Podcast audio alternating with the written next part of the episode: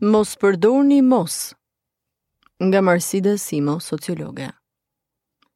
Mendoja se deri në moshën 2-3 vjeç e kisha emrin Kujdes.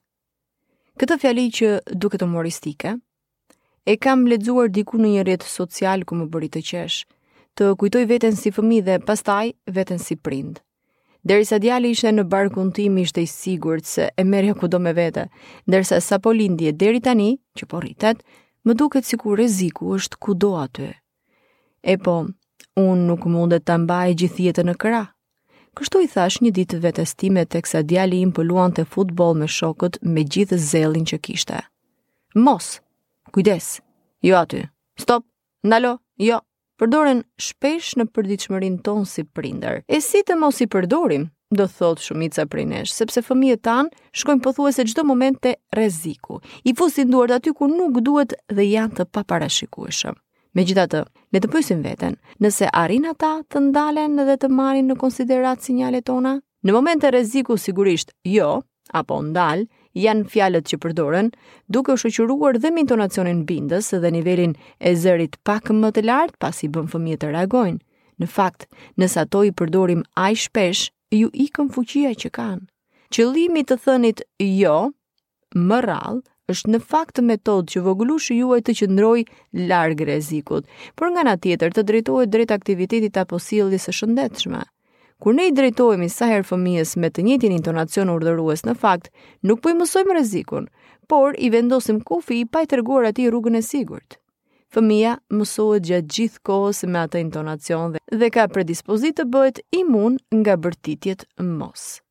Dikush që po dëgjon mes këtyre fjalive, do të mendojë se në këtë mënyrë ne fëmijët po i llastojmë, duke ia plotësuar dëshirat, duke mos i thënë jo, apo duke bërë ata të dobët emocionalisht ngaqë nuk iu bërtitet. E gjitha kjo metodë komunikimi nuk ka të bëjë me plotësimin e gjithë kërkesave dhe dëshirave të fëmijëve, por me udhëzimin e tyre drejt veprimtarive përfituese.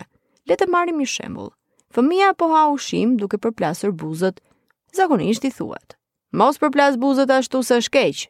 Në vend të kësaj mund të thuhet, provo të mbyllësh pak gojën kur ha? Ja, shih kështu si mami? Në këtë mënyrë, nuk dëgjohet ushqimi që bluhet në gojën tonë. Po ashtu fëmijët e vegjël në momentin kur ne i flasim, duke i ndaluar diçka, ia forcojmë sjelljen, por nuk i japim alternativa që ai të zgjedhë. Marrim një tjetër shembull. Fëmija po përplas lodrën. Zakonisht i thuhet, mos e përplas lodrën, mos! Provoni t'i thoni, lodrat duhen mbajtur mirë, me lodrat ne luajmë, nëse vazhdon ta përplasësh do e marr ta vendos te kutia. Sigurisht këtu hyjnë në lojë adresimi i veprimit dhe pasoja, e shoqëruar me intonacionin bindës.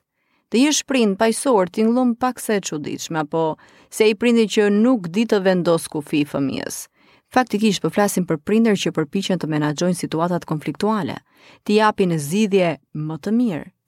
Nëse hiqni sa të mundeni fjalët jo, mos e bëj këtë, mos e bëj atë, do të rrisni shanset për fëmijë më me vetëbesim, të cilët në fakt mësojnë nga eksplorimi. Disa shembuj të tjerë. Nuk do e bëjmë në këtë moment, a mundet ta bëjmë së bashku më vonë?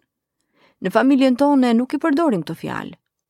Mundoni të empatizoni përpara se të arsyetoni me ta. Pyetini ata pse duan ta bëjnë atë gjë dhe si do të ndiheshin kur ta bëjnë atë, dhe pastaj shpjegoni ato me një por. Në vend të një jo, mos vrapo thuaj të lutem, provo të ecësh te rruga e këmbësorëve. Në vend që të thoni jo, ne nuk mund të shikojmë televizor tani, thuaj. Është tepër vonë për ne që të shikojmë televizor tani është koha për të fjetur. A janë të lehta të gjitha këto sugjerime? Aspak. Së pari ka rëndësi që të ndërgjegjësohemi ndaj metodave tona si prindër, e më pas të nisim me disa rregullime të vogla. As ju apo mua si të rritur nuk na pëlqen të na japin udhëzime të prera sepse duam shpjegim për të kuptuar pasojat. Në këtë mënyrë mendojeni edhe kur jeni përballë të vegjëlve tuaj.